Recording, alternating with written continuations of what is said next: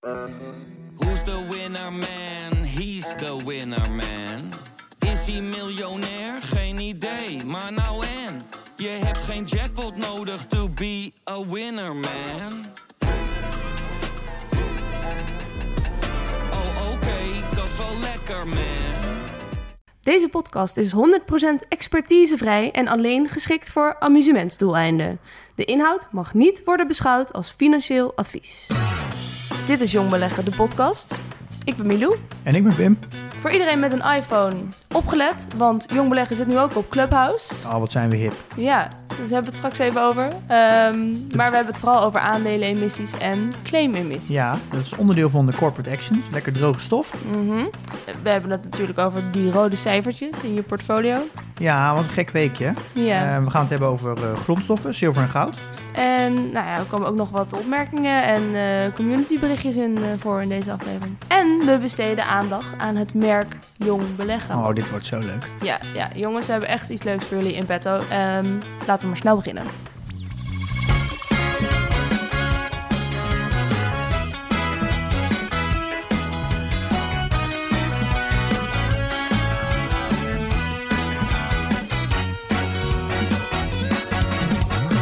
We hadden afgelopen vrijdag onze ja, Clubhouse-ontmaagding. Ja, debuut. Ja, ja, ik had al een keer in een room gezeten als spreker, maar voor jou was het echt de eerste keer. Hè? ja, de eerste keer was even uitvogelen. Ja, nog, ik denk, ik denk dat mensen wel gemerkt hebben. Die hebben geluisterd dat het onze eerste keer was. Maar het was wel heel leuk. Ja, het was heel leuk. Ja, heb je we hebben veel reacties gekregen? Ja, eigenlijk wel, wel veel positieve reacties, ja. We moeten wel een beetje zoeken naar een dynamiek nog. Het is zo open, Mhm. eh, dus er zijn eigenlijk geen regels. Nee, ja, we Dus gingen je- er ook een beetje in van, ja, s- stel maar vragen. Ja, dus je moet zelf een beetje regels maken en een Ja. beetje... Je moet het wel goed organiseren. Je hebt een soort van eh, voorzitter nodig eigenlijk in, de, in zo'n room. Is dit een open eh, sollicitatieverzoek? Nou, nee hoor, nee, liefst geen berichtje sturen. Eh, eh, Nee. nee, maar ik heb ook gevraagd of eh, de gast hiervoor, dus in dit geval eh, Paul Wicht, of die eh volgende keer ook mee wil doen. Leuk. Eh, zo ga ik een aantal mensen eh, ik hoop dat of- Paul een, eh, een iPhone heeft. Ja, dat heeft hij. Oh ja, we volgen elkaar ook al op Clubhouse. Ja, dat is dus alleen voor mensen die een iPhone hebben. Dat is wel vrij triest. Ja, dat is wel jammer hè. Ja. Maar het was wel heel leuk. Eigenlijk, eh, in principe kan je dit natuurlijk ook in een andere vorm doen. Maar ik merk wel dat het leuk is om zo van direct lijntje te hebben met, met de luisteraar. Ja. Nou ja, dus voor de vorige mensen die erbij waren, de volgende keer gaan we het iets gestructureerder doen. Gewoon deze vrijdag weer, toch Pim? Om vijf uur. Oké. Eh, ja, laten we het gewoon weer proberen. Lekker, het- lekker op de hype snappen. lekker op de hype? Ja, dat clubhuis is nu toch een oh, hype. ja, op die manier. Ja. Ik vind het wel een beetje raar dat je toegang moet geven tot al je contacten. Ja, dat is natuurlijk de truc. eh, dat is natuurlijk de, de truc van de maker. Hè, om, eh, zo is eigenlijk alle producten zijn vroeger groot geworden. Ook Facebook. De, je contacten werden ingeladen en dan kreeg je al je contacten en een bericht. Eh, dan krijg je dat, dat, dat netwerkeffect. Ja, Anders lukt het natuurlijk niet. nee, dat is dan weer jammer. Maar goed, Ja, we hebben het er maar even voor over, want ik vind het wel echt een heel leuk medium. Het is heel vrij. ja het is wel heel grappig hè. Dit past eigenlijk veel beter bij Twitter. Daar heb je natuurlijk, dat is eigenlijk al een soort van clubhuis natuurlijk. Iedereen die zit een beetje in de luchtleden te lullen. Ja, Eh, en nu kan je, en je, bouwt, je hebt daar al een soort van een following base op gebouwd. En heel ook heel erg op jouw expertise. ja, Dat is waar je veel over tweet vaak. En dat zou eigenlijk een ideale plek zijn om, om ja, voor de, eigenlijk de auteur, de, degene die de, een following base opbouwt, de autoriteit, om natuurlijk zo'n clubhuis te starten op Twitter. ja. Want dan heb je al je bereik en dan kan je praten over jouw onderwerp waar jij een expertise in hebt. Ja. Dus ik denk dat, dat dit eigenlijk ook heel, heel goed bij Twitter past. En ik denk dat heel veel mensen ook veel meer behoefte aan hebben om dit op Twitter te hebben. Want anders moet je dus weer een nieuwe following base opbouwen Ja. bij Clubhuis. Maar dat vind ik wel ook wel weer leuk, want het heeft nu een soort van gelijk speelveld effect. Weet je wel, iedereen kan nu. eh, weet je wel, op Twitter heb je gewoon al de mensen die al veel volgers hebben, die hebben dan automatisch daar weer profijt van. Maar nu is iedereen gewoon op nul begonnen. Weer. Ja, dat is wel waar. Het is alleen omdat, je, omdat niks opgeslagen wordt, is het eigenlijk, moet je dus eigenlijk toch je autoriteit op een ander platform opbouwen. Want je, je kan niet een soort van autoriteit opbouwen op Clubhouse, want je hebt, je hebt geen profiel, niks. Dus je, je moet eigenlijk je, je, je naam al op hebben gebouwd op een ander medium. Ja, Daardoor kan het nooit een standalone medium worden als, waar. als het niet zich ontwikkelt. afijn, goed. Clubhouse, hartstikke leuk. Wat gaan we doen vandaag? We hebben het over eh, een aandelen- en claim-emissie. Ja, Dus, saai ja. hè? Ja, het klinkt best wel saai en het komt ook een beetje omdat het gewoon saaie woorden zijn. Maar emissie betekent eigenlijk ja, uitstoot. Als je het op koolstof betrekt. Maar nu gaat het dus eigenlijk om de uitgifte van aandelen. Ja, Toch? emissie heeft misschien wel een beetje een... een, een een- is misschien wel een ne- negatief woord. Ik denk als je emissie googelt, dat je vaak negatieve nieuwsberichten krijgt dan positieve. Ehm, ja, ik denk het is sowieso wel leuk om af en toe eens een, eh, een- ja, een beetje een droge aflevering te maken. Dat hoort er ook een beetje bij. Uiteindelijk Mhm. eh, lijkt me, wil ik gewoon alles wat met beleggen te maken heeft documenteren eigenlijk. Dus er zitten ook gasten bij en, eh, en natuurlijk onze portfolio. Ja. Maar ook natuurlijk soms gewoon droge kennis. ja. Ehm, en ja, dit hoort er ook gewoon bij. Ik denk als je wat eh, langer belegt, dan ga je hier gewoon mee te maken hebben. Dus het is goed om dit een keer te weten. Ik denk ook wel dat je dit ook wel regelmatig gelezen hebt. Als je een beetje het nieuws volgt en je bent al een jaartje aan het beleggen, heb je dit wel een paar keer al gezien. Maar dat je misschien nooit goed gerealiseerd hebt wat het nou daadwerkelijk inhield. En daar gaan we het nu over hebben. Nou, vertel. Want ik denk dus, dan gaat het over aandelenuitgifte. Ja, dat doet natuurlijk elk beursgenoteerd bedrijf aandelen uitgeven. Ja, nou, misschien om nog een stapje terug te gaan. Dit is een eh, emissie en een claimemissie is een, een corporate action. Zo wordt het dan officieel genoemd. En dat houdt eigenlijk in dat dat zijn de grote events eigenlijk van een, eh, een beursgenoteerd bedrijf. Of van een, ja, een beursgenoteerd bedrijf. De events. Ja, Dus- je moet het zien als een, eh, wat eigenlijk allemaal onder corporate actions valt. eh zijn, is een beursgang, als een aandelen gesplit wordt, een emissie of een claimemissie, een inkoop van eigen aandelen, eh, winstwaarschuwingen, een overnamebod en een splitsing van een onderneming. Oké, dus het zijn een beetje gewoon de grote gebeurtenissen in het leven van een beursgenoteerd bedrijf. Net Ja. zoals je in, in mijn leven dan misschien een keer een huis koopt of een kind krijgt of Ja, gaat samenwonen. Dat soort live events. ja en die, die, die corporate actions, dat zijn eigenlijk allemaal acties die, nou, die een bedrijf uitvoert, maar er zit een, een soort van regulatie achter. Er zit een, daar, moet, daar moet je officieel eh, toestemming voor vragen, dan moet je melden. Ja, Eh, en dat, dat zijn eigenlijk alle plichten die je hebt als je, als je beursgenoteerd bent. Ja. Je kan niet zomaar even een eigen aandelen inkopen. Nee. Eh, je ziet ook wel bij sommige brokers en ook bij sommige websites zoals Yahoo, Yahoo vermeldt het anders, maar eh, daar wordt het ook echt onder het kopje corporate actions geschaard. Volgens mij de dividendaankondiging Mhm. eh, staat bij de Giro ook onder corporate actions. oké. Wij zijn natuurlijk bezig met PDT, dus met, Ja. eh, ook met heel veel data, alles binnenhalen, alle koersdata. Maar wij willen natuurlijk ook corporate action data hebben. En die data is heel moeilijk te krijgen, merken wij. Dat is, Mhm. dat is best wel verborgen, maar die is heel erg belangrijk. Want daardoor kunnen wij weten wanneer een aandeel overgenomen is of gesplitst is. Eh, en daar gaat het nu nog best wel veel fout in data. Dus dat een, eh, ja, in één keer een, eh, een bedrijf gewoon verdwijnt. Maar dan moeten wij die verdwijning moeten wij kunnen registreren. En dat registreren wij dan door een corporate action. Dat wij kunnen zien dat dat bedrijf overgegaan is in een ander.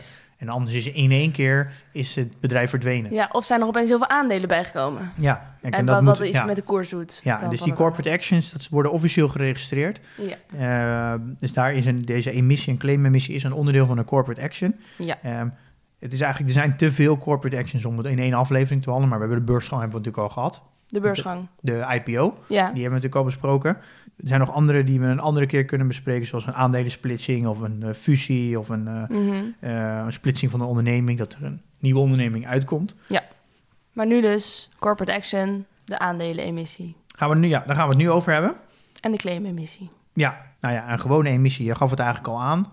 Het is gewoon een uitgeven van, van extra aandelen. Ja, van extra aandelen ook. Dus niet de eerste aandelen, maar van extra aandelen. Ja, heel duidelijk extra aandelen. Dat is heel belangrijk. En bij de meeste, eigenlijk bij een beursgang, gebeurt dat eigenlijk in wezen. We hebben het natuurlijk bij een IPO gehad. We hebben het over een direct listing gehad. Ja. En over een, eh, over een IPO. En wat er vaak gebeurt bij een IPO, is dat er extra aandelen worden uitgegeven. Dus een emissie. En die worden naar de beurs gebracht. En dan kunnen mensen zich op inschrijven en die kunnen dat kopen. En daardoor, omdat er dus extra aandelen zijn uitgegeven, wordt eigenlijk die cash die daarmee wordt opgehaald eigenlijk, wordt die cash eigenlijk de organisatie ingestopt. Ja, oké, maar Waardoor- even, want je hebt nu want wel dus bij een beursgang maar extra aandelen. Dus je hebt gewone aandelen bij een beursgang die je gewoon uitserveert. En dan ook nog extra aandelen. Nee, nee, dat is, ik eh, zeg dat er 100 aandelen zijn Ja, en verdeeld over vijf aandeelhouders heb je allemaal 20%. Maar als je naar de beurs gaat, dan willen die vijf mensen die 20% hebben, die gaan niet hun aandelen verkopen. Mhm. Maar het bedrijf geeft bijvoorbeeld e- 20 extra aandelen uit. En dan zijn er totaal 120 aandelen. Ja, Ehm, en die 20 extra aandelen die door het bedrijf worden gecreëerd, die, worden aangeboden. Ja. En die worden verkocht. Maar dat, de, het geld wat daarmee wordt opgehaald, dat gaat dus niet naar een van de eigenaren. De aandeelhouders, maar dat gaat in het bedrijf. Check. En daar, dat is heel belangrijk om te weten. Want daardoor is ook de reden waarom mensen naar een, beurs, een beursgang willen. Omdat ze daardoor kapitaal ophalen wat in de organisatie komt. Ja. En daardoor wordt de organisatie kapitaalkrachtig. Ja. Wat uiteindelijk gunstig is voor de al bezittende aandeelhouders. Die verwateren wel allemaal, want die houden niet eh, met z'n allen met z'n 25 procent. Nee, die gaan een beetje naar beneden. Die gaan allemaal naar beneden, die 20 hebt. verwateren. Ja. Maar vaak is een verwatering dan minder erg, omdat er zoveel geld de organisatie binnenkomt. En de organisatie kan dat geld weer investeren, Ja. waardoor het bedrijf veel meer waard wordt. En kan groeien. Ja, kan groeien, waardoor eigenlijk als je verwatert bijvoorbeeld van 20 naar 18 procent, kan, je kan beter 18 procent hebben van een groter bedrijf dan 20 procent van een kleiner bedrijf. Oké, Dat is eigenlijk de, het idee. alles is relatief. Ja, dus Ja. het idee is natuurlijk dat je met dat geld wat je ophaalt harder kan groeien, groter kan worden en daardoor ben je bereid om een te verwateren. Dat Ja. is eigenlijk het idee. Maar dan moet er dus wel een heel duidelijk plan liggen wat je met dat geld gaat doen. Mhm. Als er geen plan ligt met het geld en je gaat niks met dat geld doen, ja, dan verwater je, maar dan wordt het bedrijf niet meer waard. Dat wil je natuurlijk Ja. niet. Dus er moet wel heel duidelijk een, eh, een strategie achter zitten wat je met het geld gaat doen. Ja, En dan hebben we dus ook nog gehad, hebben we ook gehad een direct listing om het af te maken, zoals Spotify heeft gedaan. Daar gaan, worden er geen nieuwe aandelen uitgegeven. Er zijn vijf aandeelhouders van 20%. En ze zeggen niet, we gaan 20% extra aandelen uitgeven. Maar we gaan een aantal zittende aandeelhouders vragen om hun aandelen aan te bieden. En, maar daardoor haalt de organisatie dus geen geld op.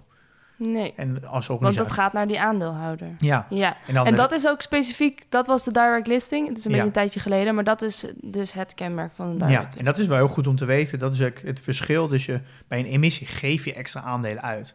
Ehm, en daardoor kan je dus extra kapitaal... Ja, je verkoopt gewoon nog meer van het bedrijf. Ja.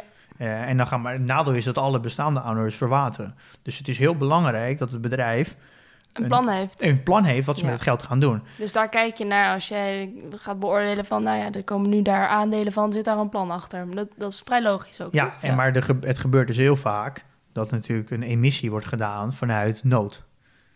Ja, Ehm, ja, omdat, dus ze het geld, omdat het geld op is. Ja, omdat ze bijvoorbeeld leningen niet kunnen betalen of dat ze schulden hebben. En die schulden worden te hoog. Dus Mhm. de, de verhouding schuld en verhouding verm- eigen vermogen, die wordt sch- scheef. Ja. Eh, en dan krijg je natuurlijk een probleem dat je een, dat heet dan de credit rating. Die hebben we wel eens eerder besproken over. Volgens mij hadden we toen eh, de beoordeling, met, ook met obligaties toen. Ja, Hoe hoog je bij bedrijfsobligaties. ja de kredietwaardigheid. Ja, de kredietwaardigheid. Er zijn drie instanties in de wereld die dat beoordelen. Ja. En het is hoe hoger je kredietwaardigheidsscore, eh hoe goedkoper je geld kan lenen. En dat houdt eigenlijk in, als je een hoge rating hebt, bijvoorbeeld AA-rating, dan zegt dat eigenlijk dat je bijna wel 100% je, je, je lening terug kan betalen. Ja. Waardoor je dus, eh, dus risicolozer en daardoor daar krijg je ook minder rente of zelfs, zelfs 0% nu. ja, Ehm, dus het is voor een, voor een bedrijf dat eigenlijk geld nodig heeft en heel veel schulden heeft, heeft dus ook een hele lage kredietwaardigheid. ja. En dat wordt natuurlijk een beetje zo'n visueuze cirkel. Hoe meer je leent, hoe lager je kredietwaardigheid wordt, hoe meer rente je betaalt over, je, ja. over de lening. Dus dat- dan zit je in nood en dan wil je geld van, nou ja, eh, uit, uit aandelen. Ja, dan is eigenlijk je, nee, eigenlijk je enige optie is dan je hand ophouden bij de aandeelhouders. Ja, precies. En denk jij dan van als belegger, dat, nou, daar moet ik niks mee te maken te hebben? Of kan dat nog steeds ook wel een goed plan achter zitten? Nou, dat kan wel. Dat li- ligt een beetje aan de situatie. Maar misschien, voordat we echt op bedrijven ingaan, is het misschien Ja. wel goed om... eh, dat zijn, is een gewone emissie. Oké, Ehm, dan worden er gewoon extra aandelen op de markt gebracht. ja. Ehm, die worden gewoon vaak via een, net als bij een eh, beursgang, dat wordt vaak via een zakenbank gedaan, bijvoorbeeld JP Morgan. Morgan. Ehm, die begeleidt dan die extra aandelen en er wordt 10% e- een emissie van 10% gedaan. Maar dan wordt dus niet in één keer gezegd, nou maandag 10% extra de beurs op, want ja, dan heb je veel meer aanbod dan vraag. Dus zo'n zakenbank, zo'n JP Morgan bijvoorbeeld, die gaat wel dan rustig de markt inbrengen. Dus dan doen ze bijvoorbeeld over een periode van twee weken of zo, of een maand, gaan ze elke dag wat extra aandelen eh erin vloeien. Ja. Waardoor je dus eigenlijk op niet heel erg merkt dat, dat niet in één keer zo'n dump in prijs is. Nee, precies. Een emissie van extra aandelen uitgeven, dat doe je vaak als de koers heel hoog staat. Ja, Eh, nou ja, misschien om toch, toch maar weer een voorbeeld te geven, is Tesla. Die heeft in de afgelopen jaar volgens mij twee of drie keer een emissie gedaan. ja, En eh, dat doe je vooral als de aandelenkoers heel hoog staat. ja. Dan ga je gewoon zeggen, nou, ik- wij vinden eigenlijk als bedrijf dat onze koers veel te hoog staat dan wat het waard is. En nou, we gaan daar gebruik van maken. We doen een emissie. We verwateren het een beetje expres. Ja, we verwateren gewoon alle aandeelhouders. En dan eh, halen wij daardoor geld mee op. Ja, precies. En dat heeft Tesla een paar keer gedaan. Die heeft daardoor 10 miljard opgehaald door gewoon extra aandelen uit te geven. Ja, wat relaxed voor ze. Ja, en normaal zou dat, ja, dan maak je de beleggers echt heel boos mee. Eh, want ja, er is in één keer 10% meer aandelen. Dus, dus eh, ja, ja, iedereen verwatert daardoor. Ja, Alleen omdat Tesla zo hard omhoog ging, heeft eigenlijk niemand er echt, echt bezwaar tegen aange... omdat ze het ook minder merken misschien. Ja, nou ja je, je merkt het minder, maar als ze het niet hadden gedaan, had het aandeel nog veel hoger gestaan. Het is natuurlijk wel heel slim van Tesla, want en, en heel veel andere groene aandelen doen dat ook, die heel hard omhoog gaan nu, die eigenlijk zwaar overprijsd zijn. Ja, Het is natuurlijk heel slim om, om extra aandelen te gaan uitgeven, want je, ja, het is een heel, de meest goedkope vorm naar kapitaal. ja, Het heeft natuurlijk ook wel een effect, want daardoor heeft het heel, kapitaal, heel veel kapitaal. Eh, gra- eigenlijk gratis kapitaal. En daardoor is juist wel weer de kans dat ze hun- belofte weer waarmaken. Ja. Dus het is ook wel weer een, een positief effect. ja oké. Ehm. en dan heb je ook nog dus een claim-emissie. Ja, en een claim-emissie, Dat is iets anders. ja, dat gebeurt vaak eigenlijk een beetje uit nood, niet altijd. Maar dat, een claim-emissie houdt eigenlijk in dat je bij de bestaande aandeelhouders een, een claim legt om nieuwe aandelen te kopen. En dat is eigenlijk een soort van optie. Hmm. Eh, dus eh, wat ze eigenlijk doen, ze gaan eerst naar de bestaande aandeelhouders toe. Eh, en ze zeggen, nou, we willen eigenlijk jou als bestaande aandeelhouder de optie geven om extra aandelen bij te kopen. Ja. Dus die gaan dus niet direct de markt op. Dus, dus bij nieuwe aandeelhouders, Ja. wat bij een emissie wel gebeurt. ja. Maar ze gaan eerst naar de bestaande aandeelhouders en ze geven eigenlijk de optie om het aandeel, ehm, te kopen. ja, vaak met een korting. Oké. En ze mogen dan, de aandeelhouders mogen alsnog wel zelf bepalen. Of ja, ze krijgen, die, ze krijgen een, het als een soort van voucher. Ja, om het aandeel te kopen tegen een korting. Ja. En ze kunnen ervoor kiezen om die voucher te verkopen. Ja. Of ze kunnen ervoor kiezen om die voucher te gebruiken en extra aandelen bij te kopen. ja, dat klinkt inderdaad als een optie. Ja, en eh, het is ook letterlijk een optie, hè? Ja, Waar we met Paul Wicht over gehad hebben. Het is ook letterlijk een optie. Het is een beetje een spel tussen...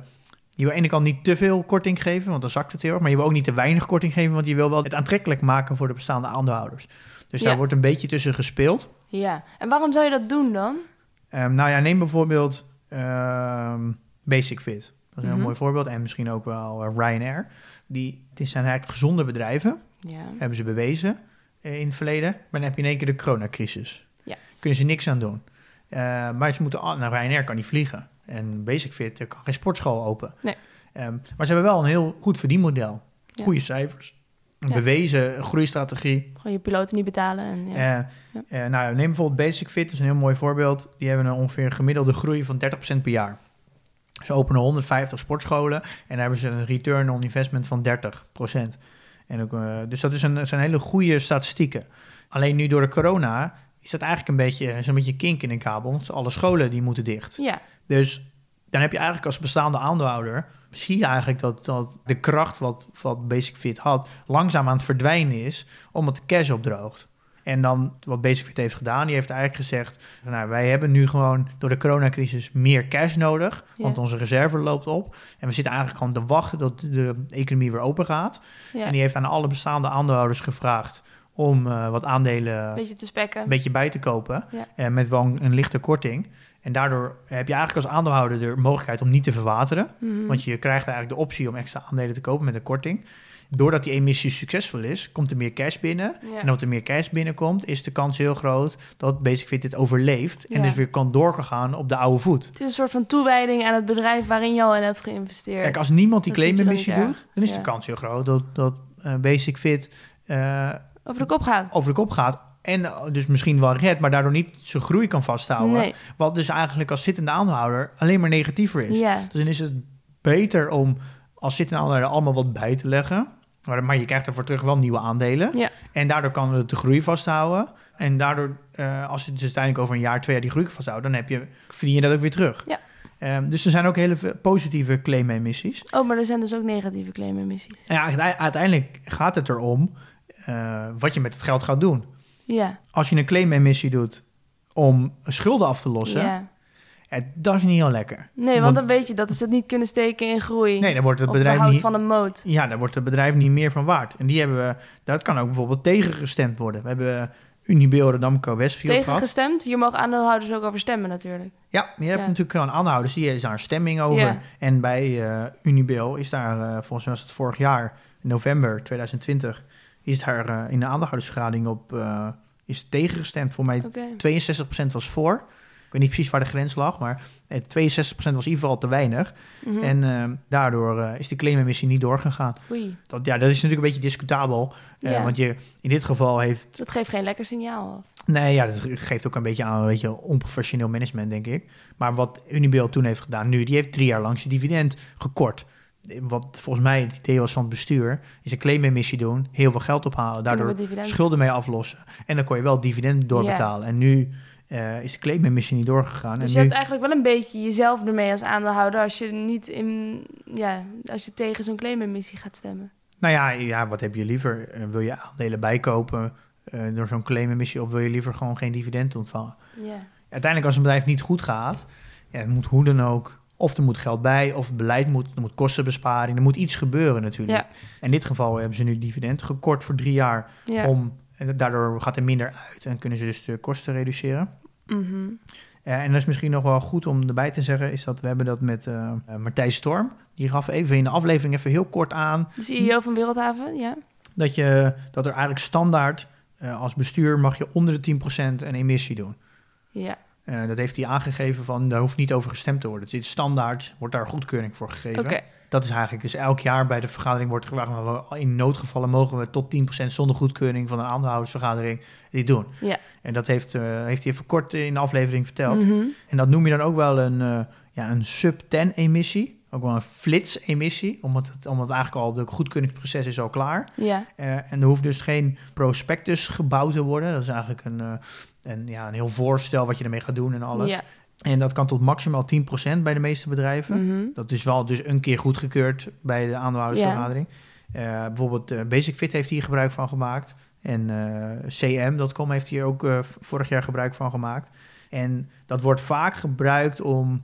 Dit wordt niet vaak in nood gebruikt, maar dit wordt vaak gebruikt om echt groeiplannen te, eh, Door te voeren. ja, te, Ja. te betalen, te bekostigen eigenlijk. Dit kan ook gebeuren als je een bedrijf wil kopen. Je ziet bijvoorbeeld een, een, eh, een heel mooi bedrijf wat er precies aansluit bij jouw bedrijf. En dat is een mooie synergie kan je creëren. En dat kan ik bijvoorbeeld betalen door een claimemissie van 8%. En daardoor haal ik eh 300 miljoen op. En met 300 miljoen kan ik eh, dat bedrijf kopen. Ja, Eh daar zijn vaak heel veel bedrijven, zijn daar, of heel veel anderen zijn daar vaak blij mee. Want je kan gewoon in één keer een, een nieuw bedrijf binnenvoegen.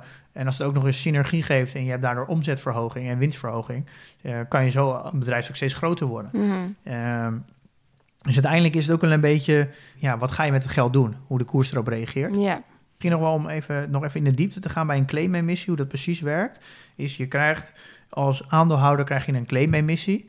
En dat houdt eigenlijk in dat je een optie krijgt. En die optie die heeft altijd een, een bepaalde een doorlooptijd. Dus er wordt, je krijgt een optie om te zeggen van nou, die optie geldt twee weken. ja. En er zit vaak een korting op. Ehm, dus bijvoorbeeld een korting van eh 15%. En die verloopt op een gegeven moment. ja. Dus je krijgt een optie om, op het moment dat die optie wordt uitgegeven, ehm, zeg bijvoorbeeld een aandeel is 8 euro. En dan wordt voor eh 10% extra aandelen uitgegeven. Dan is dus de, wordt automatisch is er 10% meer aandelen beschikbaar. Dus dan moet je ook meer aandelen delen door, door het bewaarden van het bedrijf. Waardoor Mhm. automatisch de beurs natuurlijk al wat zakt. Dus de optie zit hem dan, even snel gerekend, zeg op eh 7,20 euro. ja. Omdat het 10% zakt, dus 80 cent. Mhm. En dan heb je ook nog eens een korting van bijvoorbeeld 15 of 25 procent. En dat, die korting zit hem dan vanaf die 7,20 euro. En nou, ik heb even uit mijn hoofd niet hoeveel dat is, maar dat Nee, ga maar je dat nou wat naar beneden. minder, Ja. En voor, dat is dus de optieprijs waar jij dat kan op uitoefenen. Ja.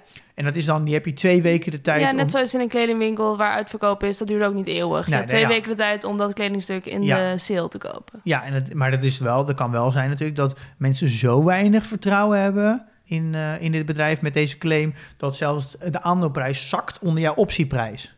Omdat, Nou, omdat gewoon heel veel mensen denken, ja, dit bedrijf, dit vind ik, dit, eh, dit, dus ze verkopen een dat vind ik niet meer goed. Waardoor heel veel mensen gaan verkopen, waardoor Ja. zomaar de aandeelprijs onder die optieprijs kan zakken. Ja. En dan zijn dus al je opties zijn waardeloos. Oh, Ehm, maar dat ligt een beetje aan de kwaliteit van de, van de claim en wat je met geld gaat doen. ja.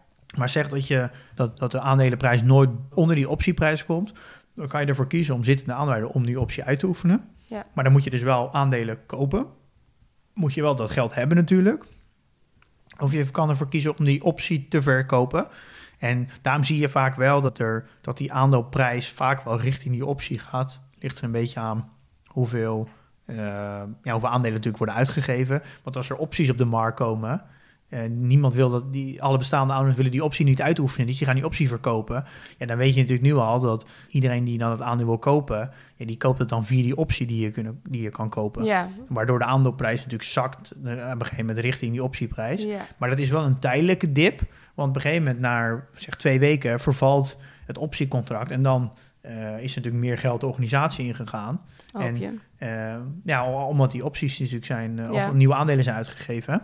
Waardoor eigenlijk de, er weer cash in de organisatie zit. Waardoor eigenlijk de aandeelprijs daarna Weer kan stijgen. eigenlijk wel weer een beetje naar het niveau ervoor gaat. ja. Omdat er eh, ook heel veel cash in de organisatie is gegaan. Moet je een aandeelhouder eh, al zijn voordat je zo'n claim eh, Ja. mag hebben? Ja, je krijgt eigenlijk als aandeelhouder een claim. En vaak ja. is het en dan ook kun zo... je maar als, als je dus een optie die gaat van, stel je die wil je verhandelen, mag je die dan ook dan alleen verhandelen onder andere aandeelhouders van dat bedrijf? Ja, maar op een gegeven moment is het gewoon, het is gewoon een optie. Dus hoe je normaal ook opties kan ja, kopen. dat is gewoon een optie, dus kan iedereen het kopen. Ja, je moet hem wel eerst... Eerst wordt die alleen maar de optie gemaakt voor de Voor bestaande de aandeelhouders. En die bestaande ouders moeten dat dan verkopen. Ja, ja. En dan is die gewoon op de vrije markt. vrije. Ehm, maar het is misschien nog wel goed om te zeggen... als er 10% extra aandelen worden uitgegeven... en jij bezit zelf 100 aandelen... Mhm. dan krijg jij natuurlijk 10 opties. Je, kan, je krijgt niet voor, als je al 100 aandelen bezit... ook voor 100 aandelen een optie. Het is Nee. altijd een verhouding. Maar er zijn ook echt hele uitzonderingen geweest... waar, Mhm. en dan weet je echt dat het foute boel is... Ja. dat, dat je dus meer opties krijgt dan je aandelen bezit. En dan weet je echt dat het foute boel is. Als je bijvoorbeeld andersom krijgt, dus je hebt 100 aandelen, maar je krijgt 200 opties, ja, dan worden er zo extreem veel nieuwe aandelen uitgegeven. hè. ja. Eh, dubbel zoveel dan er al was. Ja, dan weet je echt dat, er, dat het foute boel is. Oké. Heb Maar jij dat- dat wel eens aangeboden gekregen? Een claim? eh, Nee, ik heb het niet, eh, nog niet gekregen. Hm. Ik heb wel eh, in de community een paar keer gezien bij TUI. Waren een aantal mensen en die uh, ineens van, ja, wat is dit? Er staat in één keer wat in mijn, in mijn portfolio over eh warrants, heet dat volgens mij bij TUI. Wat is dat? Ja. Ehm, dus daar, eh, ik heb wel in de community een paar gezien, maar ik heb er zelf nog, nog, geen, niet, nog niet mee te maken gekregen. Ehm, en dat is misschien ook nog wel om te zeggen, is dat zo'n claim-emissie, dat gaat eigenlijk dat, gaat via corporate action. En er zit ook weer een zakenbank bij. En die staat dan weer garant. Is dat eh, als je natuurlijk 10% extra aandelen uitgeeft of 20%, ja, dan moeten die de markt in. Ja, die, moet wel, die moeten wel gekocht worden. Want als het niet gekocht worden, dat ze die zelf kopen. Dan gaan ze die zelf kopen, ja. Dus een zakenbank die, die gaat natuurlijk peilen hoeveel interesse is er in dit aandeel. Ja, En die, als er dus heel veel interesse is, dan merken ze, oh, dan is het risico voor ons heel laag. ja, Eh, maar is er niet zo heel veel interesse, dan kan de bank mogelijk eh, zitten met dat ze zelf het aandeel moeten kopen. ja. Dan zal het risico dus omhoog gaan, waardoor Ja. ze dus ook meer marge pakken voor die IPO.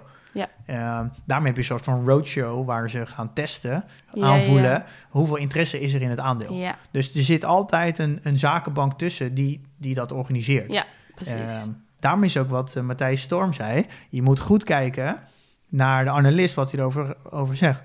Ik had nog even met Paul gebeld. eh, die, onze gast van de optie, eh, de market maker. Die handelde natuurlijk in opties. Dus die weet hier heel veel vanaf. En die vertelde een verhaal over Imtech. ja, Eh, dat ging heel slecht. Dus failliet gegaan. Is een bedrijf eh, van een aantal jaar geleden. is een beetje de, waar altijd wordt gesproken over dat bedrijven ook failliet kunnen gaan. mhm. Daar werd op een gegeven moment ook een claimemissie gedaan. Maar die was echt, eh, nou, volgens mij drie, vier keer hoger dan het aantal aandelen dat uitstond.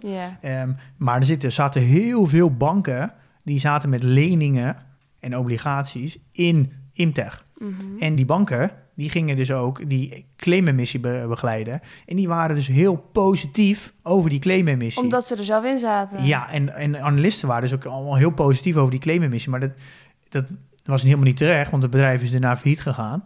Eh, maar ja, die, de analisten waren positief omdat ze merkten van mensen zijn er positief over. nee, de analisten van de banken bedoel ik. Ja, die waren heel positief, maar die moesten Ja. wel positief zijn. Want Ja, ze zaten er zelf in met leningen. ja, En dat is wat eigenlijk wat Matthijs Storm zei. Je moet heel goed naar een analist kijken. Vanuit welk, welk werkgever praat Ja. hij? En zit die werkgever... eh, want er worden, zijn heel veel analisten bij banken. Zit, zitten die niet toevallig onder Ja. water met eigen belangen... waarom ze het advies op een bepaalde manier geven? ja, precies. Dus dit is wel... eh, want eh, toen ik met Paul belde, die vertelde dit van... grappig dat Matthijs dit zei, want dit, hier heb ik wel ervaring mee. Ja, ja, ja. Dus het is wel goed om, ja, goed om daar nu een voorbeeld mee te geven wat ja, Matthijs zei. nee, ja, precies. Leerzame anekdote. Ja. Nou, ik vind het best wel leuk eigenlijk, Pim, zo'n droge aflevering. Ja, volgens mij Ik heb echt het idee dat ik weer wat geleerd heb. Volgens mij hebben we eigenlijk een beetje alles wel gehad over claimemissie. Oh, nou, kijk aan. Mooi. Dan gaan we naar eh, de update. En we gaan, ja, even een update van de update. We gaan de update iets anders doen. Eh, we gaan eh, even wat meer aandacht voor vrienden van de show. En daarna geven we een update die niet per se met de portfolio dividend tracker te maken hoeft te hebben. We gaan, er meer, eh, we gaan meer roleren met het geven van updates. Precies, ja. Dan Want er zijn heel veel nieuwe ontwikkelingen. Ja, voor de podcast. Ja. Eh, en die eh, hebben iets meer ruimte om, om ook nieuwe dingen te delen. precies. Maar we beginnen met de vrienden van de show. We hebben weer een hoop nieuwe bijgekregen. Waarvoor dank allemaal. Zeker. Leuk dat jullie erbij zijn. Ehm, ik dacht misschien is het leuk om even een paar berichtjes van mensen die zich voorstellen in de community door te nemen. Ja, leuk. Even kijken. Bijvoorbeeld Roy is erbij gekomen. Die zegt: Ik ben 34 jaar en finance medewerker. De wereld van het beleggen vond ik altijd al interessant. Maar dankzij de podcast van Pim en Milou wil ik nu ook echt gaan beginnen met beleggen. En dit jaar wil ik me voornamelijk toeleggen op het opdoen van kennis. En van daaruit een start maken met de aankoop van mijn eerste ETF's en of losse aandelen. Eh, Leuk. ja, Welkom. Leuk Roy dat je erbij bent. Dan hebben we Hey daar. Eh, na introductie van mijn broer en beste vriend tot de podcast. Gauw aandachtig begonnen met luisteren. De podcast aan zich vind ik al een waanzinnig cool en nobel initiatief. Dat ik ook kan bijdragen aan het voortbestaan is helemaal te gek. Fijn idee om met gelijkgestemden te zijn en de vragen te kunnen stellen. En wellicht ooit te kunnen beantwoorden. Op aanraden van de show is mijn broker De Giro. Nou, hebben we dat aangeraden Pim? Nee, we doen niet aan. We hebben alleen een voorbeeld misschien gegeven, Ja. inderdaad. Eh, de Giro heeft ons nog niet bedankt hiervoor. Eh, daar wachten wij nog steeds op. Nee hoor. Nou, hij focust op duurzame ETF's en heeft nog een lange horizon. Ehm, ben benieuwd, zegt hij. Leuk. Ehm, nou, nog eentje doen, Pim. Ja, nog eentje. Oké, dan hebben we een berichtje van Elina. Ze zegt, hoi, ik ben Elina. In anderhalve week heb ik met heel veel plezier al wandelend een weg door de meeste afleveringen geluisterd. Ik heb een account geopend bij de Giro en wil daar met maandelijkse inleg vooral een appeltje voor de dorst opbouwen. Ik richt mij voorlopig vooral op ETF's. Ik beleef tot op heden veel plezier aan het analyseren van verschillende ETF's, het inlezen in de ontwikkelingen op verschillende markten. Nou, leuk Elina dat je er ook bij bent. Ja, welkom. Leuk. Ja, wie had gedacht dat het leuk kon zijn om ETF's te analyseren? Ik niet. Nee, ja, maar Nee. zo zie je maar, hè. Zo zie je maar, inderdaad. Ehm, en een update, Pim. Ja, Wat gaan we doen? Ja, we gaan niet, niet, niet eh, de PDT-update doen, maar we gaan een update doen over onze podcast. Ja. Want wij hebben wat leuks te vertellen. Ja. Wij dachten, het gaat nou, best wel goed de laatste tijd. We hebben nog steeds, daar krijgen we er heel veel luisteraars bij eigenlijk. En we zien ook dat we steeds meer gevonden worden door, eh, nou, bijvoorbeeld de Viva. Pim stond laatst in de Viva, jongens. Dus wij dachten, we moeten misschien ook een beetje verder professionaliseren. En wat hebben we nou eh, gedaan? We zijn een samenwerking gestart met Tamber. Tamber, ja. Sound engineers. Sound engineers. En we zijn met hun een, eh, ja, een nieuwe tune aan het ontwikkelen voor de podcast. Ja, En dat gaat hartstikke goed. ja we, we, hebben een, eh, een, we zijn een traject gestart om, eh, ja, een soort van merkpositionering, maar dan op geluid. Ja, klopt. En dat, is een heel leuk proces. ja, we we kregen gaan allemaal allemaal- vragen. Allemaal vragen aan ons gesteld. En we hebben in ieder geval muziek moeten luisteren en aan moeten aangeven welke nummers vinden jullie nou passen bij de podcast. Nou, Ja. we, hebben een, we zijn heel fanatiek bezig geweest en hebben uiteindelijk een playlist gemaakt met 50 nummers waar wij vinden, nou dit past wel bij ons. Ja, Die gaan we ook op de website zetten. Dus als je het leuk vindt om die te luisteren, dan moet je dat vooral doen. ja Spotify playlist is Ja. het. Jong beleggen de playlist, heet Ja, Jong ik? Belegde playlist. Ja, En daarvan hebben we er vijf uitgekozen en gedeeld met eh Tamber. Ehm, en ze, hebben eigenlijk, ze zijn teruggekomen met een eh, debriefing. Heet dat heel mooi in eh, ja. vaktermen. En daarin zijn de archetypes naar voren gekomen. En ja, archetypes van wat een merk kan zijn. Dus hij liet ook bijvoorbeeld Rolex zien. Nou, daar ging een reclame van Rolex kijken. En daar kwam echt duidelijk naar voren dat het is echt een soort van helden waren dat toch, Rolex? Dat is de archetype voor Rolex, precies Ja, van helden heersers, of heersers, inderdaad. Heersers. Eh, en wij hebben ook een archetype eh, toebedeeld gekregen op basis van ja, onze eigen input. Eh, en dat was ja, de verzorger. De zorggever. De zorggever, inderdaad. Ja. Wij worden gelinkt, of nou, we zijn een beetje gelijk aan Nivea eh, en het leger des heils. Volvo. Ja, Volvo, inderdaad. Ik vond jouw reactie daarop trouwens wel grappig, Pim. Want jij zat echt een beetje van, huh, huh, nou, dat had ik echt nooit verwacht. Maar eigenlijk is het best wel logisch. Ja, nou, dat is het grappige. Dat je, je gaat heel erg denken vanuit jezelf als persoon. Want je ziet dan die, twaalf archetypes en je denkt, nou, wie zou ik als mens zijn? Als Heerser, persoon. sowieso. Eh, en, maar je, je moet natuurlijk niet denken vanuit jezelf, maar je moet denken vanuit de podcast. Het archetype dat de podcast bij andere mensen is. Eh, Ja, en daar kwam eigenlijk eh, de zorggever, hij was eigenlijk, eh, het was Niels, die zei gelijk, dat zijn jullie, er was gewoon geen discussie mogelijk. nee, En toen liet hij ook geluid horen van, eh, van reclames die ook in diezelfde hoek zitten en alleen Ja. maar de audio. En denk je, ja, dat klopt eigenlijk Ja, wel. En het grappige was, de nummers die wij hebben aangegeven, die vijf nummers, die vallen ook bijna allemaal in het type zorggever. Ja, er was er zelfs eentje die hij ook als voorbeeld liet horen. Die, Die wij hadden ingediend, Ja, ja. Forever Young van eh, Bob Dylan. Ja. Dus, eh, Ja. Maar nu is natuurlijk eh, het leuke stuk. D- dit is uiteindelijk, er is een soort van briefing uitgekomen. En die Ja. gaat dus naar een componist. Ja, precies. Dus er gaat gewoon een echte componist gaat aan de slag om voor jong beleggen een unieke tune te maken. Ja, precies. En we houden jullie op de hoogte. Ja, en dit is, is heel, heel leuk. Ja, het is superleuk. Dus binnenkort, over een aantal weken, horen jullie in één keer een, een nieuw geluid in de podcast. Ja, en nou ja, hopelijk vinden jullie het dan net zo goed passen bij ons als wij vinden dat het bij ons Ja, past. dus we gaan daar binnenkort weer een eh, update over geven. Dus dat. Dan gaan we naar het nieuws. Ja, wat is jou opgevallen deze week?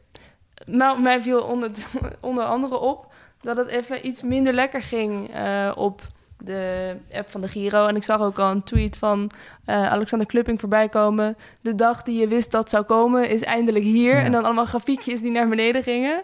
Misschien moet je ook zorgen maken als zulke soort jongens ook erover gaan tweeten. Dan denk je echt... als- oh ja? Ja, ja als het is echt zoals grap als bij de bakker gaan hebben over aandelen en, eh, dan, eh, en de gewone kranten staan. eh, Ja, oké, maar Alexander dan- Klupping is niet de bakker, Pim.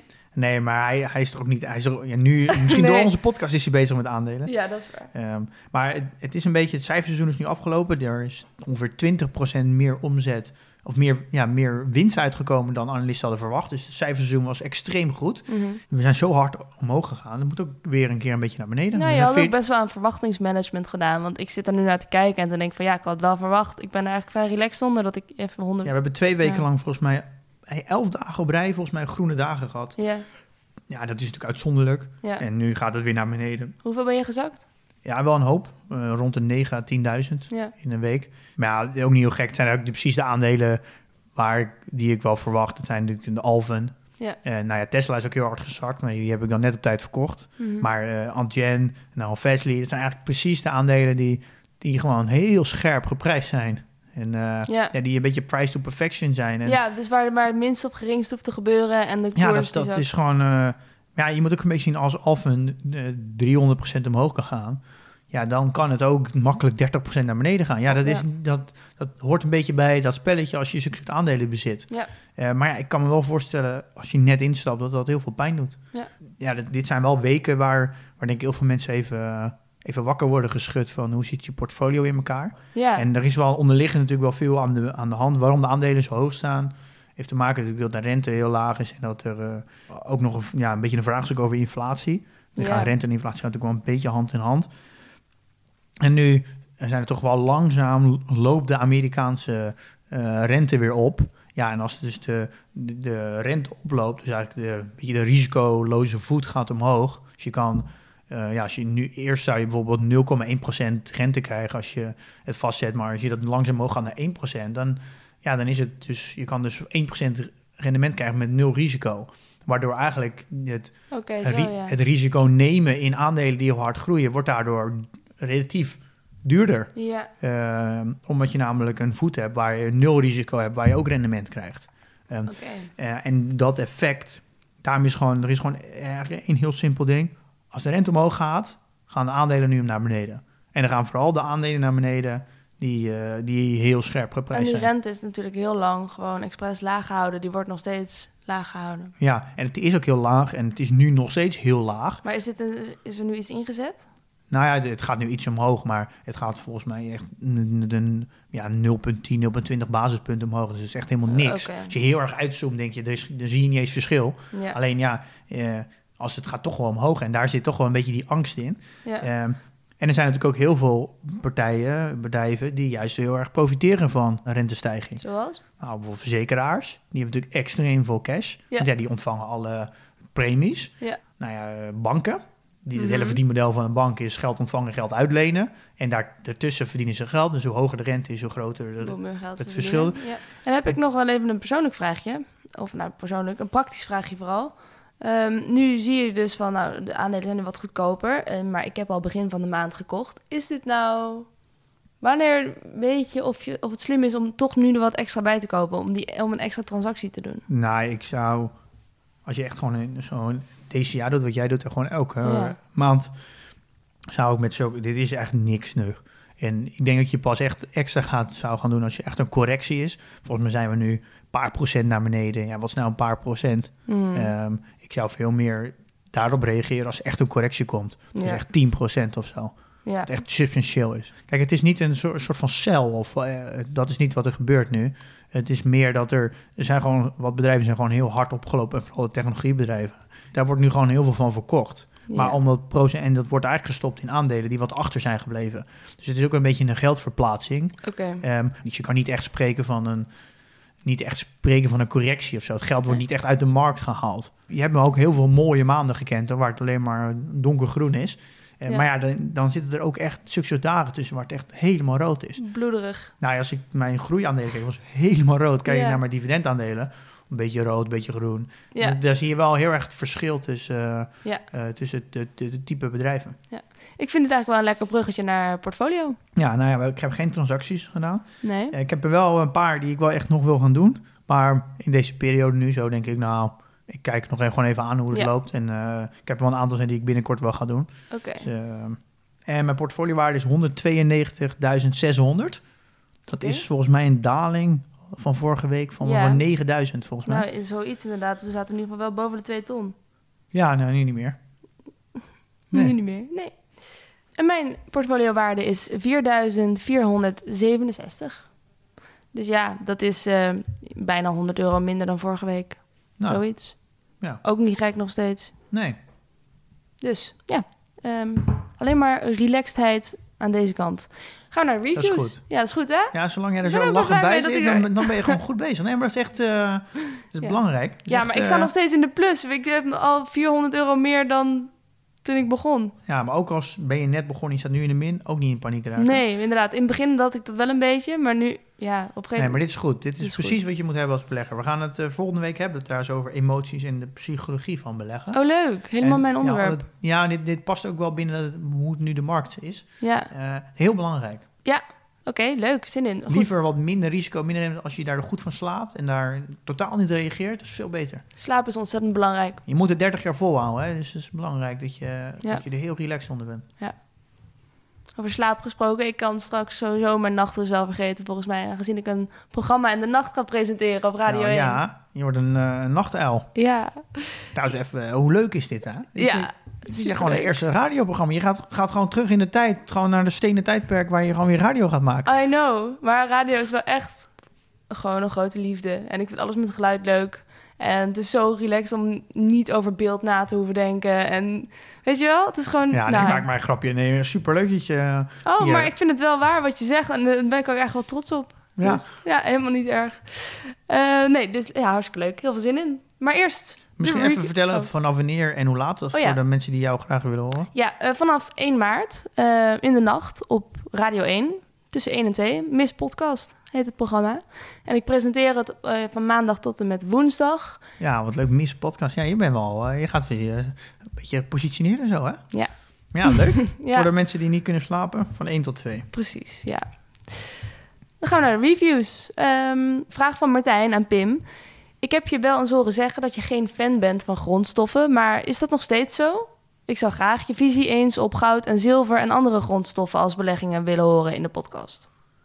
Ja, Dat is nog steeds wel een beetje zo, hè? nou dat klopt. Ja, dankjewel voor je vraag, Martijn. Ja.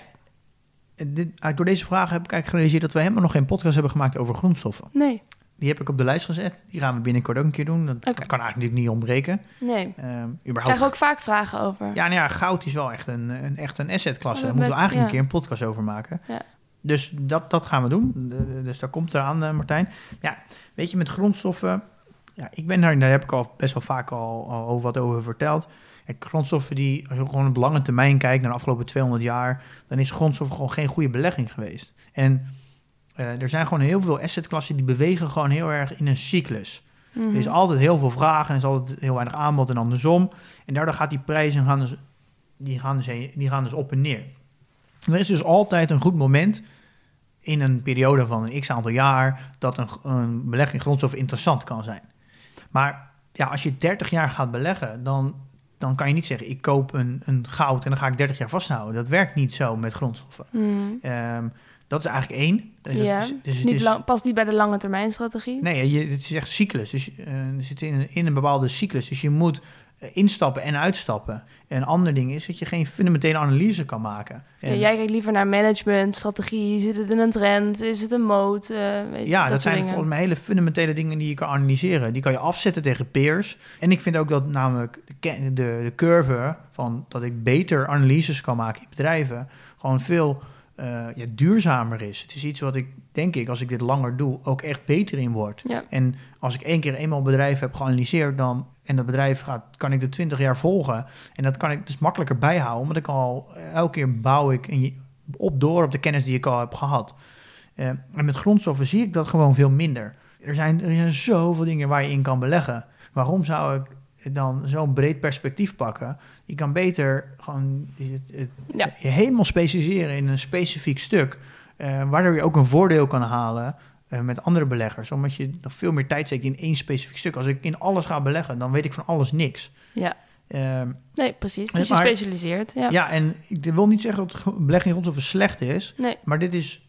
En er zijn ook echt. Er zijn ook mensen die zijn expert in grondstoffen. En die doen niks anders dan grondstof beleggen. Maar dat is natuurlijk prima. Maar dat moet wel bij je passen. En ik denk wel dat je veel meer focus moet aanbrengen. En niet in alles, Ja. in alles wat moet zitten. nee maar het is wel goed om daar een keer een aflevering over te maken, Ja. inderdaad. Want ik kan, ja, dan kan ik wel inschatten of het misschien bij mij past. Want ik vaar nu een beetje op jouw analyse. Maar Ja, nou, daarom. Iedereen, iedereen moet er zelf een keuze maken. En uiteindelijk moet je wel blijven bij je, noem je dan je circle of kunde. In het Engels is het veel mooier, dus je circle of competence. Ja. En ga daar je energie in steken. Ja. Want anders heb je nooit ook een voordeel als, eh, als belegger. Precies. Oké. Dus dat, zo eh, kijk ik daar eigenlijk eh, naar. Ja, Oké, nou dan hebben we nog een eh, recensie van Willem in de Apple Podcast app. Willem schrijft, dit had ik nodig. Dankjewel voor jullie fantastische podcast. Ik luister nu een week en zit bij aflevering 15. Nou, dan heeft hij toch lekker doorgeluisterd al. Ehm, een vriend die al enkele jaren aan het beleggen is, probeerde het me altijd uit te leggen. Maar nu, door jullie podcast, begrijp ik pas wat hij nou allemaal tegen mij aan het zeggen was. Ik ben ervan overtuigd dat ik met een laag risico mijn geld kan gaan beleggen. Ja, dank voor je eh, recensie, Willem. Hartstikke leuk. En dit is ook wel een beetje de strekking van wat we... Ja, de rode draad misschien wel tussen de berichten die we krijgen, toch? Ja, Van, ik hoorde er al heel veel mensen over praten. Ik hoorde altijd al dingen over. Ik snapte het nooit. En nu snap Ja. ik het. ja, Dat ja. vind ik echt een heel leuk compliment. Ja, ja, nee, ja, nou ja, ik denk dat dat voor, voor, voor ons ook geldt. Voor mij in ieder geval. Ik snap het eerst ook niet. Ja, maar voordat ik, voordat ik Ja, deze podcast ook. voordat ik deze podcast begon, had ik exact hetzelfde. Ja, totdat je in één keer het wel klikt en het, het begrijpt. En dan denk je, nou, wat heb ik al die jaren moeilijk zitten doen? Ja, ja. Ja. ja, dit is eigenlijk de reden waarom we deze podcast maken. Omdat het mij heel veel tijd kost om het wel te begrijpen. ja. En door mijn sabbatical heb ik die, soort van, ben ik over dat drempeltje heen gegaan. Ja. Maar ja, als ik, die, als ik die sabbatical niet had gehad, had ik dit waarschijnlijk, had deze podcast ook niet geweest. waar een En- sabbatical niet goed voor is. Ja, en door deze podcast, eh, die had ik zelf graag willen hebben. Eh, Ja. Voordat ik op sabbatical ging. Of misschien zelfs toen ik 20 was of 18. Ja. Ehm ja, hoop wagen nu heel veel andere mensen die in dezelfde situatie zitten. Ja, dat ze ook gaan beleggen zonder die sabbatical. Tot zover het leger des hels. eh, en Nivea en alle onze verzorgende aspecten die daarin zitten. Ja, Volgende week gaan we het hebben over de psychologie van het beleggen. ja wordt een hele leuke. Zin in. Echt waar. En dan eh, ja, rest ons nog één ding. Investeer in je kennis en beleg met beleid.